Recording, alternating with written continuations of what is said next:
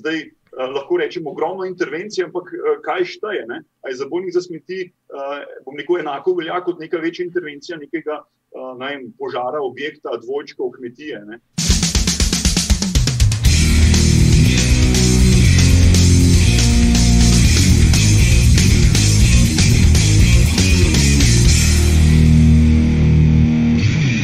Dober dan, lepo pozdravljeni, da je Jan David se pogovarja, tokrat z mano poklicni gasilec, vodja gasilske izmene oziroma čete na gasilski brigadi Ljubljana, inštruktor gasilcev, triatlonc, potaplač in kreator gasilske taktike Jure Dolinar. Jure, pozdravljen.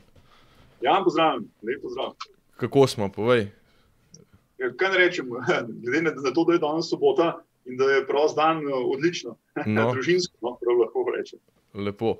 Um, Deva se za začetek pogovoriti o tem, kako si uh, v bistvu prišel do inštruktorstva, ne do gasilstva, ampak kako, kako si videl vse to, ta potencial, da bi pa učil druge oziroma jim predajal znanje. Ker če vem, si bil tudi dve leti v gasilski šoli zaposlen. Ne? Res je. V bistvu prve moje inštruktorske, inštruktorske koraki so se začeli v bistvu že pred samo poklicno šolo. Eh, katero sem obiskal seveda na Igu kot eh, poklicni gasilc, takrat zaposlen eh, že v štartu v gasilski brigadi in sicer v vrstah gasilske zveze Ljubljana, kjer sem pač s svojimi znanjem, katerega sem imel ne, že od malih nog kot gasilec, sem začel neko to svoje znanje podajati na različnih področjih. In nekako sem si vedno želel potlej tudi v nadaljevanju pač na nek višji nivo in ta višji nivo je seveda bila Eh, gasilske šole in pa seveda okvir Gasilske zveze Slovenije. Uh -huh, uh -huh. In uh, kaj pa recimo naj, naj, naj, uh, tvoj najljubša tema, ki jo rad inštruiraš, oziroma inštruiraš, poučuješ?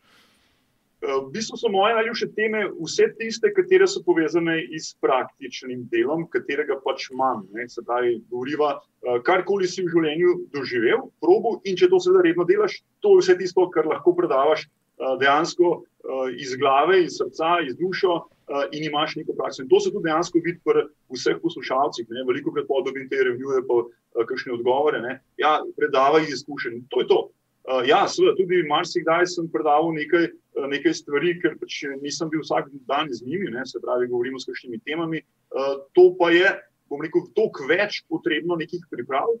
Na podlagi tega pa seveda Eh, tudi predavanje ni enako tistemu, ki pač eh, imaš ogromno znanja. Uh -huh, uh -huh. Recimo, tle, ki so rekli, nevarne snovi so mogoče taka tema, ki se ravno ne pojavlja vsak dan v gasilski službi. Ne? Pa ja. je zelo taka. To, to je, ampak dejstvo je pri nevarnih snovih, da se jih vsi rekel, ne bojimo, pa do neke, do neke mere bolj spoštujemo. Ravno zato, ker ni veliko izkušenj. Ampak toliko, kot imamo, imamo mi izkušenj s tem, jih v Sloveniji najbrž nima nihče. Ne? Uh, govorimo glede poklicnih gasilcev. Uh, Vse so potem tukaj strokovnjaki na tem področju, ki delajo vsakodnevno z nekimi uh, kemikalijami, nevarnimi snovmi. Ampak za gasilsko znanje in z nekimi izkušnjami, pa seveda lahko mi to uh, strokovno operiramo. Uh, in vedno je fino dodatno še imeti neko, nekoga, ki je pa vsakodnevno s tem. Ne. Mi smo ravno na podlagi tega, ki se omenil, uh, Jan, z nevarnimi snovmi, smo šli na Švedsko, ne, smo se usposabljali kot inštruktori inštruktorjev. Uh, tako da tam so fanti nam tudi podajali znanje, ampak spet gasilci. Uh, na srečo imam potem še uh, zelo blizu družini uh, kemike, ne, ki se potem lahko marsikaj tudi o tem pogovorim, pa seveda kakšne poizkuse delam. Uh, tudi, seveda, šolo sem obiskoval na fakulteti za kemijo, kemijsko tehnologijo, kjer smo tudi imeli marsikaj poizkuse, katere sem pa tudi uvedel s časom v gasilsko šolo. Sicer uh -huh. se zdaj več ne prakticirajo, uh, ker je neka druga zgodba v ozadju. No? Uh, ampak to je tisto, kar potem želi dobiti tečajnik, da nekaj poizkusi, sliši uh, in to je, to je zmaga pote. Uh, vemo, da mi slišimo, vidimo in čutimo. Ne? To je bistveno, kar želim uh, tudi jaz podajati uh, vsakemu poslušatelju. Uh -huh, uh -huh. Zanimivo. Uh, recimo, ampak, uh, ki praviš, da iz izkušenj predavaš, ne se pravi, kako bi pa potem rekel, če zdaj ukvirno, če te vprašam, kolik, na kolikih intervencijah si bil v življenju. Recimo, ve, verjetno si ne pišeš vsake v Excel tabelo, ampak. Uh, ja, če pogledamo te večje intervencije, ki so se zadnje, zadnje leta dogajale, sem bil dejansko lahko rečen skoraj na vseh. Ne, pač, uh, moja v bistvu, uh, funkcija v gasilski brigadi trenutno je, vodja gasilske izmene. Torej, eh, če govori nekaj več kot baraka, po domače povedano, sem zraven, takrat, ko pač sem v službi. Uh, v teh manjših zgodbah, če govorimo, da govori samo neko vozilo, zabojni za smeti in podobno, seveda me ni zraven. Zdaj uh, lahko rečemo ogromno intervencij, ampak uh, kaj šteje? Ali zabojnik za smeti, uh, bom rekel, enako velja kot neka večja intervencija nekega uh, ne vem, požara, objekta, dvojčkov, kmetije. Uh, tako da jaz bom rekel tako, raje štejem tiste večje intervencije, koliko pa mogoče karkoli dela, rekel sem, bi lahko vem, predvsej uštevno, ampak predvsej bomo rekli tako. Uh -huh. uh, pa recimo, da bi rekel, um, če si zamislim. Uh, kot vodja intervencije, recimo ti, uh, nisi verjetno več polna intervencija v stiku z dihalnimi aparati, ok, v nekih skrajnih primerih, verjetno. Ja, ampak, a to, kaj pogrešaš, bom rekel, tako delo, bom rekel, na prvi bojni liniji? Um, mogoče ne več to, kot sem ga v začetku, Um, mislim, da sem kot voditelj intervencije bil dvakrat, uh, da sem si pač uh, vzel to priložnost, pa šel z dihalnim aparatom, seveda potem na ogled. Uh, drugače pa mogoče niti ne pogrešam to, zato ker uh, se v gasilski šoli še vedno srečujem v, uh, v vlogi inštruktorja na poligonih, kot je recimo modul C, modul B, modul A, uh, kjer pač uporabljajo inštruktorji vse to dihalni aparat in grem s tečajniki noter. Ne? In da jim na mestu pokažem, kako je zdaj pravilno treba delati, jih ocenjujem uh, in predvsem vodom. Oni so se prišli učiti, uh, ne samo na oceno, kaj znajo. Uh, in zaradi tega mogoče ni tega, uh, tega toliko, kot pač, uh, bi mogoče želeli, uh, kdo misli no, v tem smislu. Razumem. Ja. Uh, pa da je se pol zdaj uh, predstaviti dihalnim napravam. Uh, Ti si napisal tudi nek, je to priročnik, knjigica. Bu, ja, to je priročnik za uporabo zelenih dihalnih aparatov in pa tudi druge opreme za zaščito dihal. Tako sem nekako to poimenoval. Ki pa ni uh, tako pogosta. Ja, recimo, da, ja, ampak, takoj v eh, glavi imaš asociacijo dihal, dihalnega aparata. Ne, ja, to je v bistvu najbolj pogosta zadeva pri gasilcih. Ne. Čeprav uh, marsikdo niti ne pomisli, kaj bi pa lahko še kaj drugega uporabil gasilc. Uh, in seveda tukaj so še vse ostale maske, ki jih zdaj že zelo dobro poznamo, ne zaradi tega, da je COVID. Uh, dejstvo je, da, so, da smo to učili ne, in seveda še vedno se na tečaju za izvedene dihalne aparate uči uh, osnovne, uh, osnovne zaščite za dihala, torej maske, enko, dvojko, trojko. Ne, zdaj že poznamo, kaj pomeni FFP 1, 2 in 3. Zdaj že politika že... o tem govori, no, oziroma zdaj že malo zamrl. Uh, pa seveda maske s filtri, ki jih marsikatera gasilska nota niti nima, ampak so zelo elegantni za uporabo pri dekontaminaciji. Ne? Uh, da ne govorim potem, seveda, bolj specialne zadeve, kot so narekovaji, kako povedano, ribrideri uh, ali pa recimo, uh, se pravi, naprave za dihanje z zaprtim krogom, ne izdihneš in se obnovi zrak. To uh, sem pa. Opazil. Uh, to je zajeto, osnova je pa seveda izoliran dihalni aparat. Uh mhm. -huh. Ker jih te rebrideri, v bistvu, ja, ki gre čez filter, ne, v bistvu, če prav razumem. Te, to sem dosti videl, parižani dosti uporabljajo. Recimo. Ja, Ker njih sem zgodba, videl na slikah. No? Ja, zgodba je, ja, parižani so to imeli predvsem za, za to, zdaj ne vem točno, kako je trenutno, ampak ja, imajo eno dobro podjetje, ki se je s tem ukvarjalo, predvsem pa imajo za to, da so te njihove železnice, tunele, ne, lahko skrbovali za nekoliko daljšo avtonomnost. Uh -huh. uh, to je v bistvu vsa prednost teh dihalnih aparatov. Vse ostalo se mi zdi, da je bolj slabost, ne? glede vzdrževanja, sploh da ne govorimo o ceni. Uh, tudi Slovenija, seveda, se je s tem ukvarjala, ali bi to imeli ali ne. ne? Uh, celo neka sredstva so bila dana, pa uprava za zaščito in reševanje je to tudi želela nekako uvesti v te poklicne note, pa se seveda ni šlo, razen mislim, da so takrat vzeli jesenice, ne poklicne gasilce zaradi karavan. Tako je bilo, ampak to je ja. že zgodba. Ja. Um, dajmo za, za vse večne čase, da bo to zdaj posnet, mi še povej, kako je, se pravilno pravi minutni test. ja, grejo po vrsti. Uh, to je veliko krat uh, pri teh zgodbah, uh, da se kaj pozabi. Ne? Ampak, uh, seveda, ko imamo enkrat aparat pred sabo, uh, je vedno najprej potrebno pogledati ključni avtomat, ali je zaprt ali ni. Torej, zapremo ključni avtomat, če rečemo, ne? odpremo tlačno posodo, se pravi, ventil tlačne posode, preverimo s tem takem, ne, ali je, uh, se pravi, se sama, sam ventil lepo odpira ali teče lepo na vojni. Že to je preverjanje, ne, ni samo tista, tist zrak, ali ga je dovolj. Ne. In potem preverimo manometer, pravi, pogledamo, ali je dovolj zraka pri odprti tlačni posodi.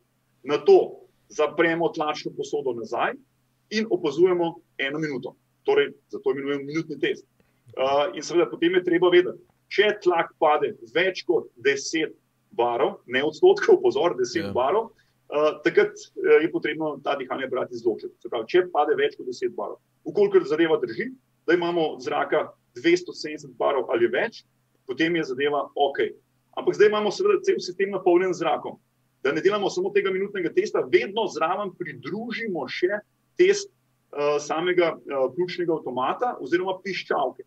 Torej, damo roko, ne, pa ključni avtomat na roko, počasi spuščamo in opazujemo seveda manometer, in ko pride tlak nekje med 50 in 60 bari, če rečemo izvršeno zor med 60 in 50 barov, se mora vklopiti piščalka. Torej, praviloma je, ne, kdaj začne piščalka piskati, uh, med 56 in 55 barov, plus minus 5 barov je po teoriji. Ne. Zato mi rečemo veliko krat, ja, piščalka piska pri 50. Ja, res je, da takrat mora začeti piskati, lahko pa seveda že pri 60. Uh -huh. ne, tako, da, recimo, to je nek tak postopek, malenkost bolj na dolgo. Ne, no, dobro, ja, evo, sem rekel, da je to. Uh... Ovekovečimo za vse večne čase. To to večne... lahko dodamo tako še, uh, mogoče če te uh, še tukaj opomnim. Kaj pa te stresnosti maske? Ne? Veliko krat je pa to težava. Uh, zakaj? Zaradi tega, ker se te zdihalnega aparata ni potrebno vedno narediti pred samo uporabo, ampak se ga naredi predhodno, recimo tedensko, kako že dnevno, odvisno od enote, kako je dogovorjena. Sam test maske je pa treba obvezno narediti pred vsako uporabo. E, to je pa tisto, da imamo maske, gor si naštimamo in potem z roko zatesnimo odprtino, če je to možno, drugače pa spuščamo tomatom, zaprto tlačno posodo in pogledamo, ali je tesnost ustrezna ali ni. Ne. Tako, no, samo še to dodam še zraven. Ja, ja. Se, se mi zdi, da je to na, na čistem. Tako. Ne, doskrat se mogoče kakšna taka stvar pozablja. Se mi zdi, ja, so osnove. Osnove se pozabljajo. Osnove, ja, osnove. Veliko krat preskočimo. Tudi, veliko krat tudi če se tako pogovarjamo, recimo, jaz imam vedno pomisleke glede učenja. Ne, bom rekel, recimo, uh, notranjih požarov. Recimo, Mi se učimo zelo veliko notranjih požarov, kako se gasi, gasi vstop v prostor in tako dalje, postopki. Ampak teh požarov pa v bistvu sploh ni toliko velik, ne, procentualno. Oziroma, marsikateri gasilec ga sploh doživel ne bo. Žal ja. ali pa na srečo. Ne. Ja, dejstvo je to. Ne? Ampak, če bo nekdo prišel, jaz vedno pravim na neko, neko intervencijo, ker bo uh, nek naj, ogen uh, takrat pač prišel uh, v zunanji, ne? se pravi, del ali pa v drug prostor, da saj ve, kaj je rata, ne? da se ne ustraši. Iz tega vidika mi to tečemo, kaj je zdaj požarni preskok, uradni ogen.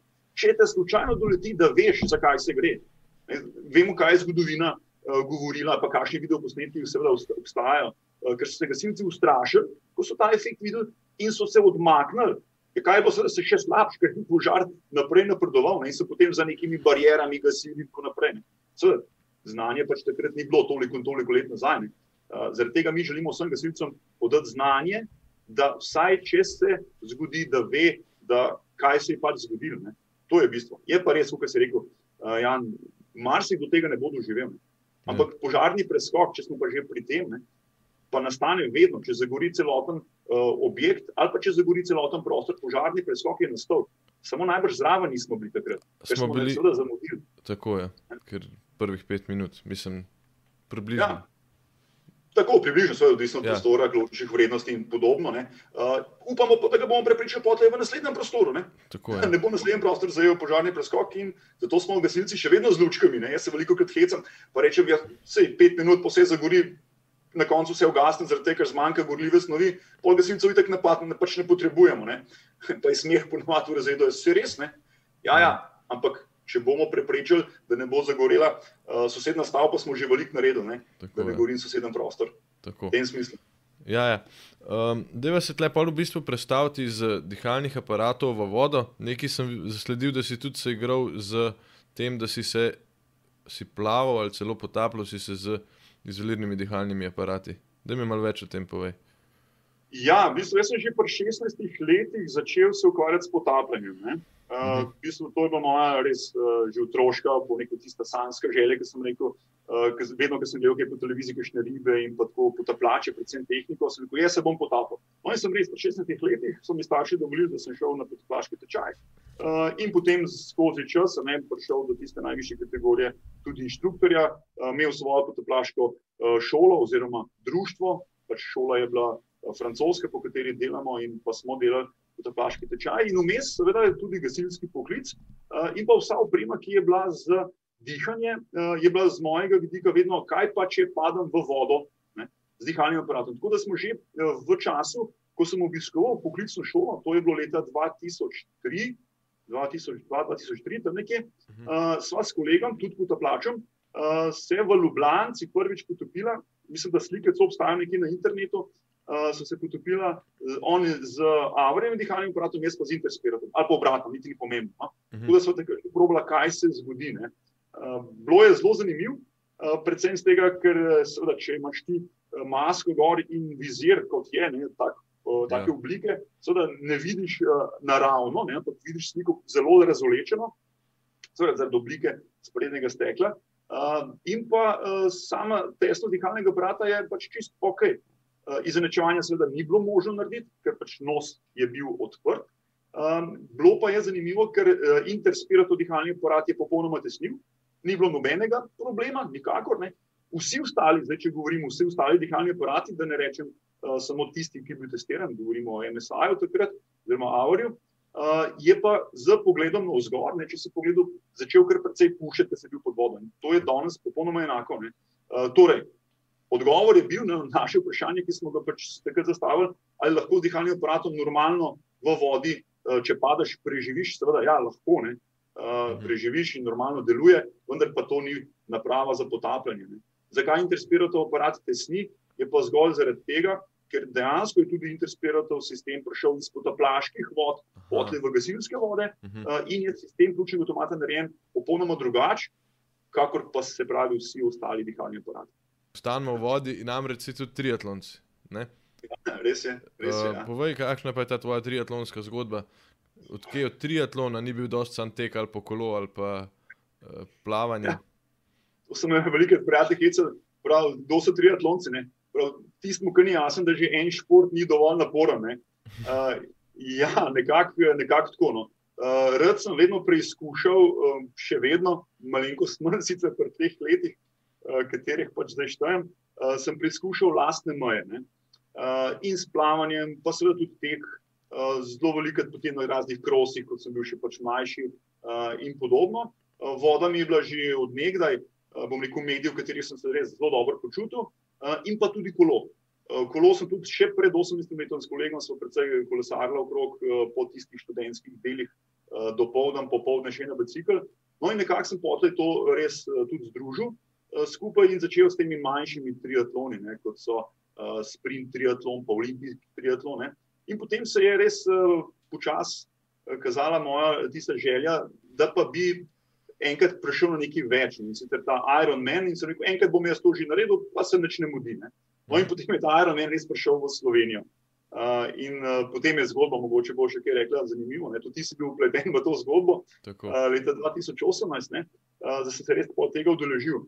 Ampak tri je športi, uh, zelo zanimiv, super zadeva, telo celo dela, ne, ne samo noge pri kolesu, ne, uh, ampak tudi roke pri plavanju, pa pri potlej. Eh, ne, pri plavanju treba še noge šparati za kolo, na kolesu, ko greš, je treba šparati noge za tek. Uh, moraš razmišljati, moraš vedeti, kaj delati, moraš vedeti, kaj ješ, kdaj ješ, uh, kdaj spiš. Uh, ogromno, ogromno stvari. Uh, mogoče sem se malenko spremljal, začel uh, to resno ukvarjati s tem triatlonom, uh, predvsem iz tega stališča, ker seveda, če si enkrat uh, na takšnem nivoju, kot sem jaz bil, to pomeni ne samo polovičnega človeka, ampak celega. Eh, in ne samo, da trpi tisti, ki se s tem ukvarja, na rokovajih se vem, da govorim trpine, ampak eh, zato mora biti vsi ostali, ki so okrog tebe. Ne? Govorim predvsem o družini, o tistih, ki pač so ti blizu, kjer, kjer jim pač moraš nameniti nek čas pač določeno življenjsko obdobje. No? In potem se mi je zgodila neka poškodba, ne? filotetivo sem se strgal in uh, nekako je potem uh, vrhunski šport, ja, na rokovajih spet vrhunski šport.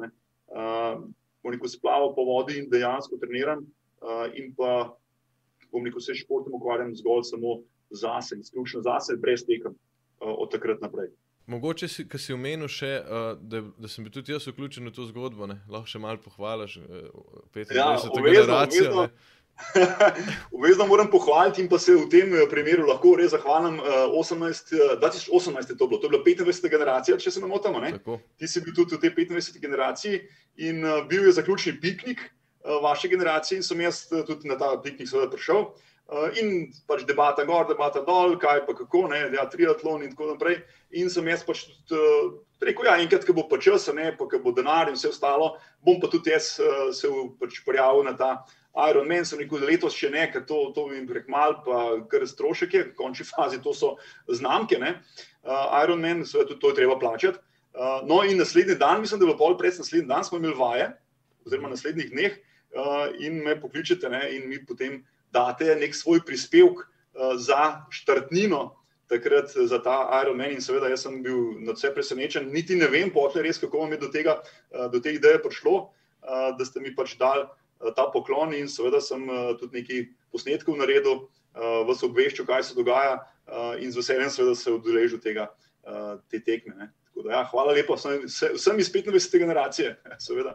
Hvala lepa. Nekaj.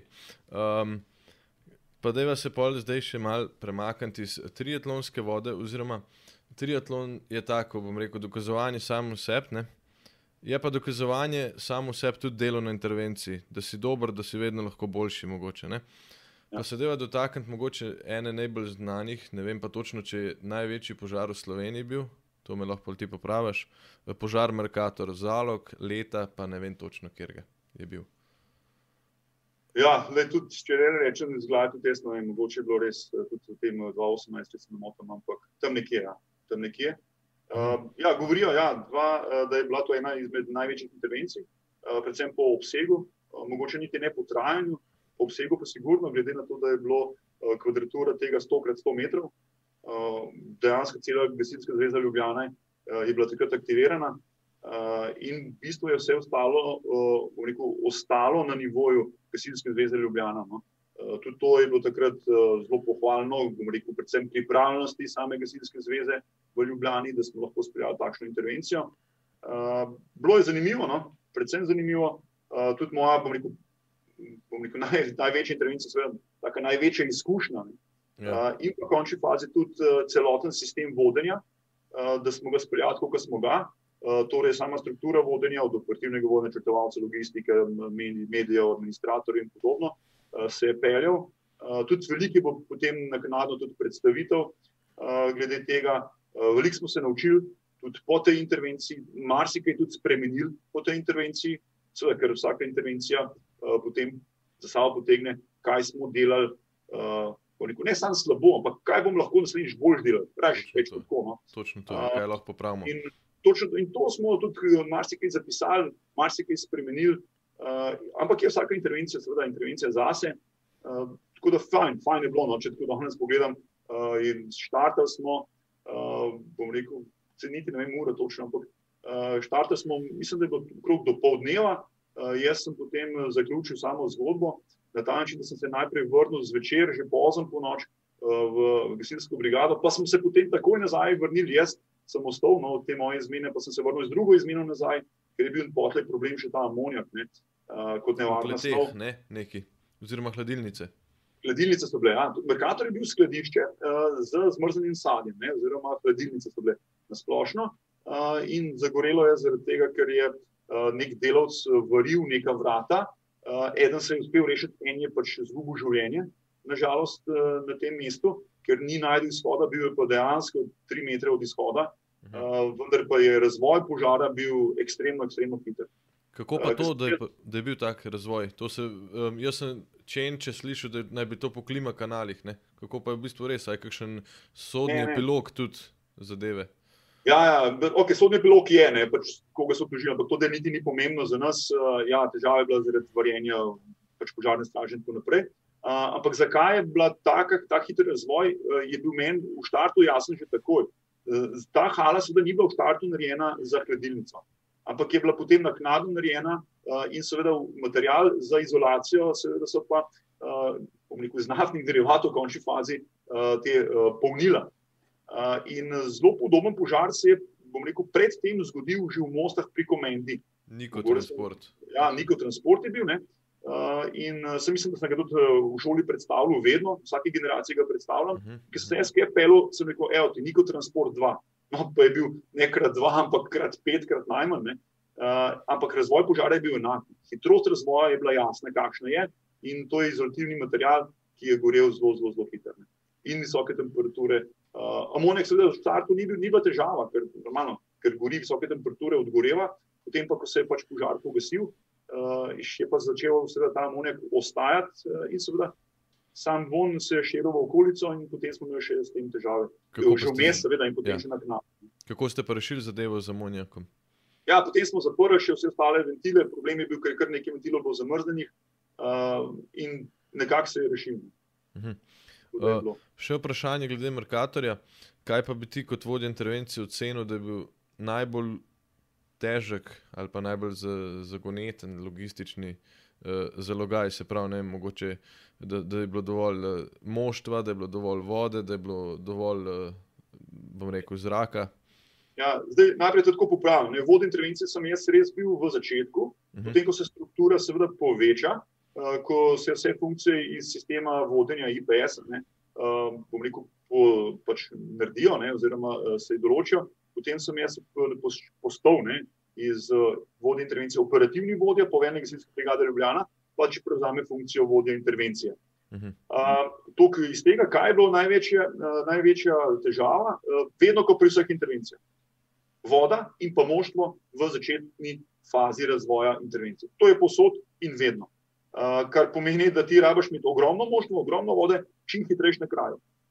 In potem uh, vse ostalo, dobiti vodo, povišati tlak iz voke, ne, uh, vodo dovažati uh, in tako dalje. To pa pač vzame svoj čas uh, in seveda na podlagi tega razvoja intervencije. Ampak čista zgodba, katero smo pa imeli, je bila že v štartu začrtana, kaj bomo skušali rešiti. Običajno je vedno tako pri vseh večjih intervencijah, zamisliti si moraš, kje boš naredil nek preseg, kaj boš skušal rešiti in uh, tja v smer cilje. In to smo pač tudi naredili in rešili ta prečni del. Tisti, morda, ki ste že kdaj to eh, gledali, pa mogoče poslušali kakšno analizo, prečni del objekta smo rešili, uh, bilo je pa, moram reči, kar naporno no, za vse. Uh -huh, uh -huh. Ja, se je bilo kar tudi medijsko zelo odmevno, ja, takrat ja. zadeva. Si pa tudi med drugim uh, YouTuber, če lahko tako rečem.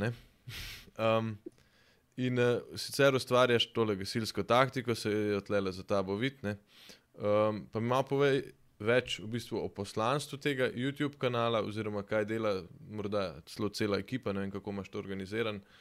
Kako da si se tega lotil in kako da si prepoznal, je YouTube uh, novi medij za izobraževanje oziroma ozaveščanje ljudi na splošno in pa mogoče tudi gasilske srednje.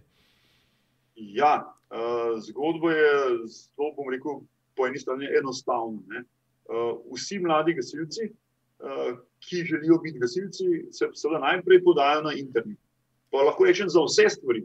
Če hočeš biti, ne vem, hokejist, če hočeš biti eh, padalec, če hočeš biti naj potapljač, greš seveda na internet in brskaš, brskaš, brskaš do onemoglosti. Ker uh, samim pač gasilcem seveda zanima ogromno, ogromno stvari, uh, nekaj starejše, pa mogoče niti ne več toliko. Tako pač je v življenju in mogoče tudi to prav. Uh, in seveda YouTube je sigurno kanal, kjer uh, mladi ga gledajo.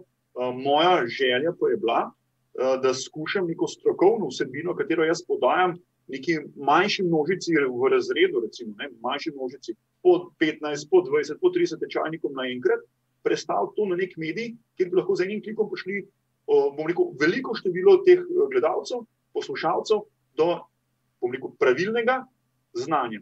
In to moje poslanstvo, ki ga pač skušam upravljati, pa je zdaj seveda v zadnjem obdobju malenko zastav, Eh, zaradi določenih razlogov, eh, je seveda ta, da ne bi gasilc lahko z enim klikom si pogledal neko video vsebino in pogledal, kako naj bi neko stvar na pravilen način naredil.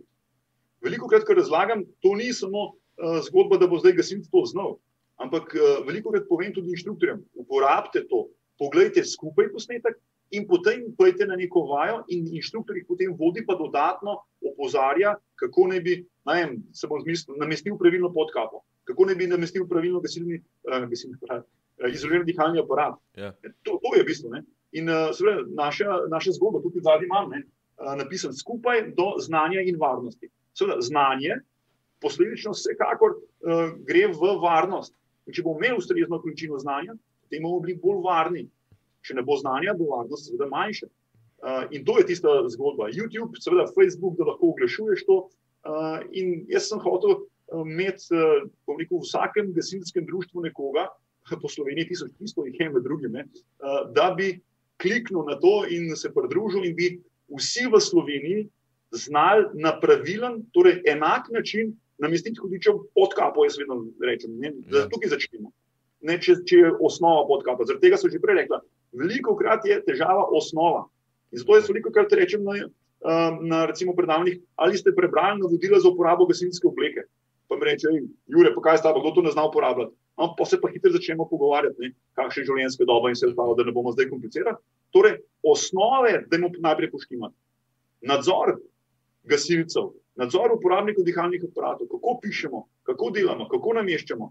Ne? Če bomo tukaj začeli, potem bomo lahko gradili na formacijah, na oddelkih, na vodnih načetah, na intervencijah, na, na čem vse.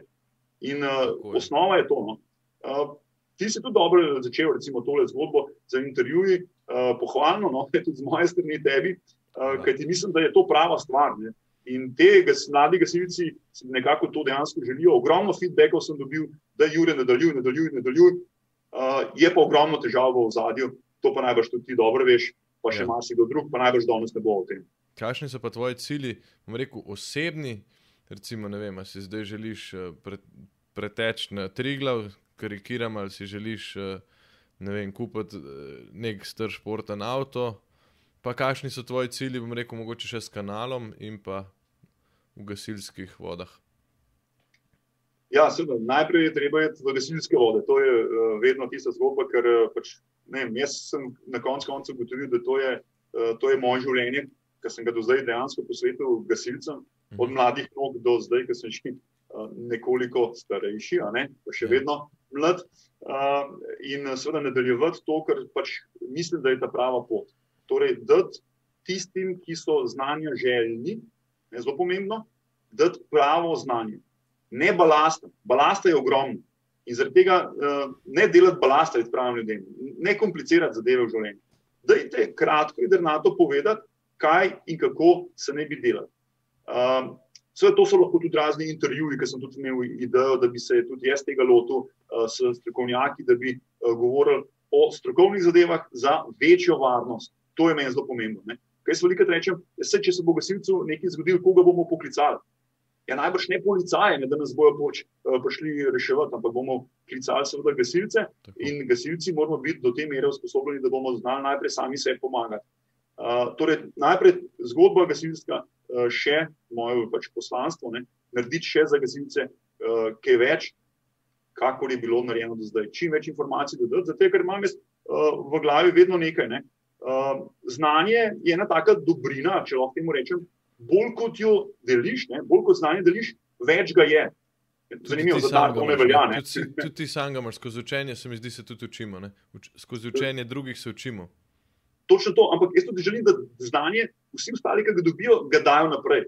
Zaradi tega veliko rečem uh, nekim tečajnikom, pa to dajte deliti v uh, svojih društvih, pa me pokličite nazaj, če bo potrebno, ker je razjasen. Ne da to reče, da je Dolinar na Igu nekaj razlagal, nekaj čudnega. Ne. Pokliče, zakaj je to tako, tako kako se vstopa v prostor. Ne samo na en način, ampak imamo najmanj tri načine. No, da ne bo zašla. Ne. Uh, to, to je se pravi ta moje osnovno poslanstvo, deliti znanje in pa biti zraven prisoten pri vprašanjih, da bomo res znali pravilno za laš, našo, našo lastno varnost uh, delovati, da ne bo prišlo do kakšne neumnosti, jaz veliko krat rečem. Uh, za moje osebno, uh, osebno zadovoljstvo uh, je seveda vse povezano z gasilstvom, seveda pa želim tudi proste dneve uh, vedno preživeti na nek uh, kakovosten način. No. Pa ne ostane mogoče to uh, za me, pa za mojo družino, uh, ker je končni fazi to uh, tudi en del, ker ni potrebno, da ga delimo med vse, uh, kajti vsak, uh, rekel, v vsakem delu, ne, vsak lahko v vsakem delu, ali pa nekateri vidijo, uh, karkoli v življenju narediš, ne bo to dobro ali pa slabo, vsak vidi tudi nekaj slabega ne, in to ni prav ampak slovenci smo sploh še uh, v tem bolj izraziti. Toliko boljši v tem. ja. Ja. Jure, hvala lepa, da si bil moj gost. Jaz mislim, da smo povedali več kot preveč, ogromno. Um, tako da hvala ti lepa, pa se vidimo v živo, upam, da čim prej. Zmerno, Jan, pa tudi tebi, lepo zdrav vsem skupaj, srečno. Hvala, živijo.